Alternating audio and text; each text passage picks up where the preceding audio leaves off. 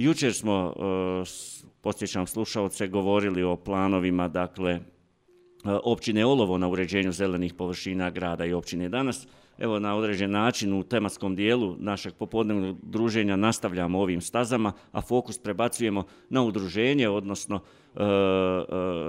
centar Bolkej koji na području naše općine pokreće također jednu vrlo važnu akciju e, čišćenja naše rijeke Krivaje.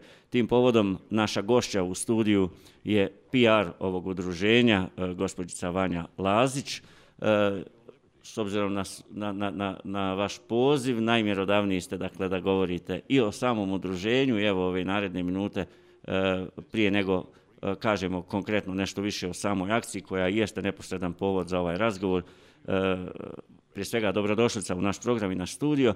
Vanja, e, za slušalce našeg radija, uz evo na početku možda da kažemo riječ dvije o e, ovom centru, odnosno vašem udruženju. Prvenstveno hvala vam na pozivu i hvala vam što ste popratili sve aktivnosti koje je Centar Bolka u posljednjih godinu dana radio na ovom području. Dakle, mi smo relativno mlado udruženje, radimo na fokus, fokus su nam biološka istraživanja i zaštita okoline i biodiverziteta prvenstveno. U toj zaštiti dosta smo aktivni na području zaštite rijeka, ja bih rekla silom prilika, zato što su rijeke u našoj državi nekako prve na udaru i dosta dugo smo radili na odbrani rijeka od hidrocentrala. Također radili smo na biološkim istraživanjima, pogotovo ovdje na području olova, zato što takvih podataka nažalost nema, a oni su neophodni ako želite pokrenuti bilo kakvu akciju zaštite ili trajnog rješavanja nekog područja. Dakle, kada govorimo o, zaštiti, prije nego budemo konkretno govorili o ovim aktivnostima vezanim za 22. odnosno dan planete Zemlje, ono koliko pratimo vaš rad po društvenim mrežama, evo, puna srca preporučujemo to i svim našim slušalcima, našim građanima, vaš rad, kako ste rekli, fokusiran je i na zaštitu određenih životinskih vrsta, biljnih vrsta, E, tu ste vrlo aktivni. E, na vašim portalima, odnosno na društvenim mrežama, mogu se vidjeti prekrasne slike.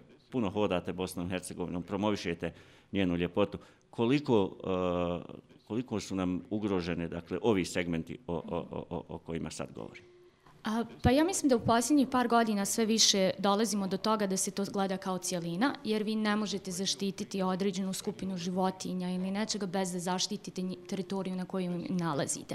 Evo ja ću uzeti za primjer, tokom prošle godine mi smo radili biološko istraživanje na području izvora i kanjona rijeke Orlje, koji je onako zaista zanimljiv zbog ta dva izvora i tako dalje, iako mal površinom. ja ću izdvojiti, recimo, našli smo preko deset vrsta orhideja.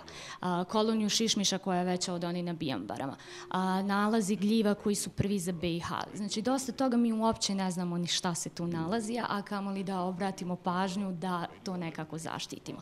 Tako da je to neko biološko istraživanje zaista prvi korak u nizu koraka koje sad poduhvatamo ne bismo li zaštitili ta neka područja koja biolozi to nazivaju hotspotima, znači područja koja nisu toliko pod utjecajem čovjeka i koja na sreću još uvijek nismo uspjeli ovaj, uništiti. Da. E, vaša priča posebno je jedno vrijeme bila fokusirana na e, zaštitu e, izvorišta rijeke Orlje i šireg ovog područja dole koje je puno tih znamenitosti o kojima govorite, a to se nekako poklopilo bilo sa pričama, dakle i nekim najavama gradnje određenih uh, hidroenergija. Tako je. A, zapravo je čitava priča oko pokušaja da zaštitimo to područje započeta, nažalost, time što su, čini mi se, četiri puta investitori pokušavali dobiti dozvolu za gradnju. Lokalno stanovništvo je na sreću odbilo to i tu smo mi negdje uvidjeli potrebu da se to trajno zaštiti i time zabrane takve vrste intervencija u tom području.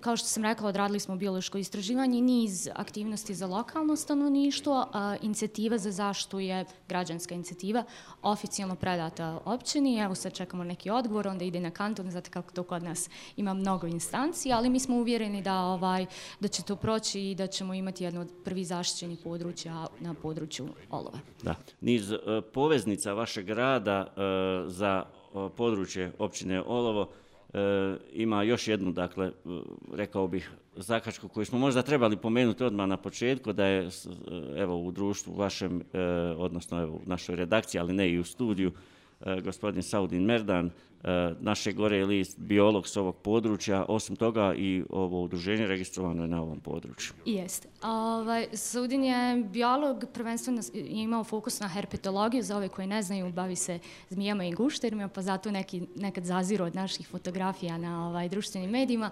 ali ovaj, s povratkom ovdje u Klinčiće, kako mi tu živimo, onda smo odlučili da se nekako fokusiramo na tu neku lokalnu sredinu, iako moram naglasiti, djelujemo na području čitave Bosne i Hercegovine, Radili smo nedavno istraživanja u području Bune, Bunice, Trbivižata i tako dalje. Ima li e, šira društvena zajednica, i evo da budem još posve konkretan, e, nadležne institucije, e, određeni resori određenih ministarstava, imaju li potrebu za vašim uslugama, angažuju li vas s obzirom na vašu stručnost, s obzirom evo na sve ovo što mi pratimo, čime se vi bavite?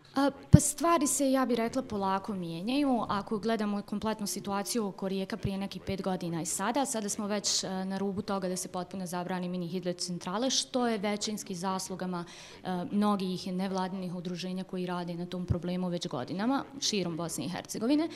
Mi se sada sporo, dva kolaka nazad, dva naprijed, ovaj, približavamo to nekoj Evropskoj uniji, što će, pored svih ovih drugih stvari o kojima se govori, značiti i da se mora raditi konstantni monitoring, da se neke stvari na području zaštite životne okoline moraju raditi, tako da se mi nadamo da, da ćemo krenuti u tom pravcu. Za sada su to većinski napori individualnih udruženja koji žive onako, ajmo reći, od granta do granta i uz međunarodnu podršku.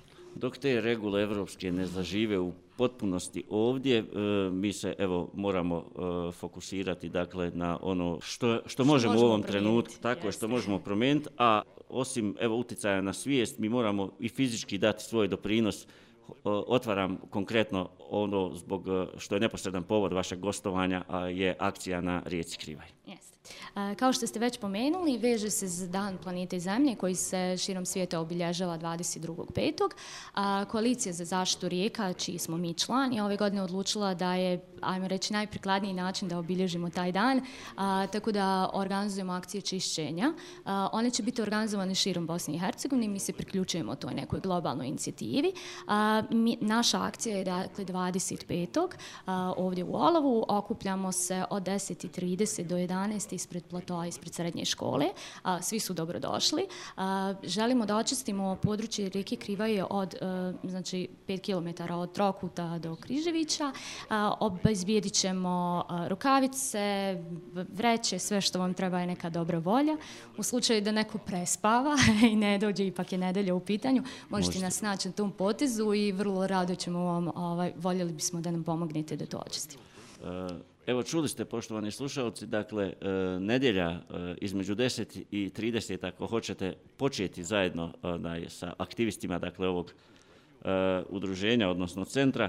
Ovo je poziv osim pojedincima i evo našim udruženjima ima u olovu udruženja od planinarskog društva i brojnih drugih družina koje u svom, da tako kažem, u svom radu evo, promovišu i štite životnu sredinu i njima poziv. Ovo je zaista jedan lijep gest, posebno zbog činjenice da uprkos evo ovim vanrednim pandemijskim okolnostima rad na e, čišćenju rijeke se može provoditi u potpunosti uz distancu, jel tako, širok je ovaj, ovaj Da. Ja moram još naglasiti da se mi nadamo da će ovo biti jedna od, prva od nizu akcija.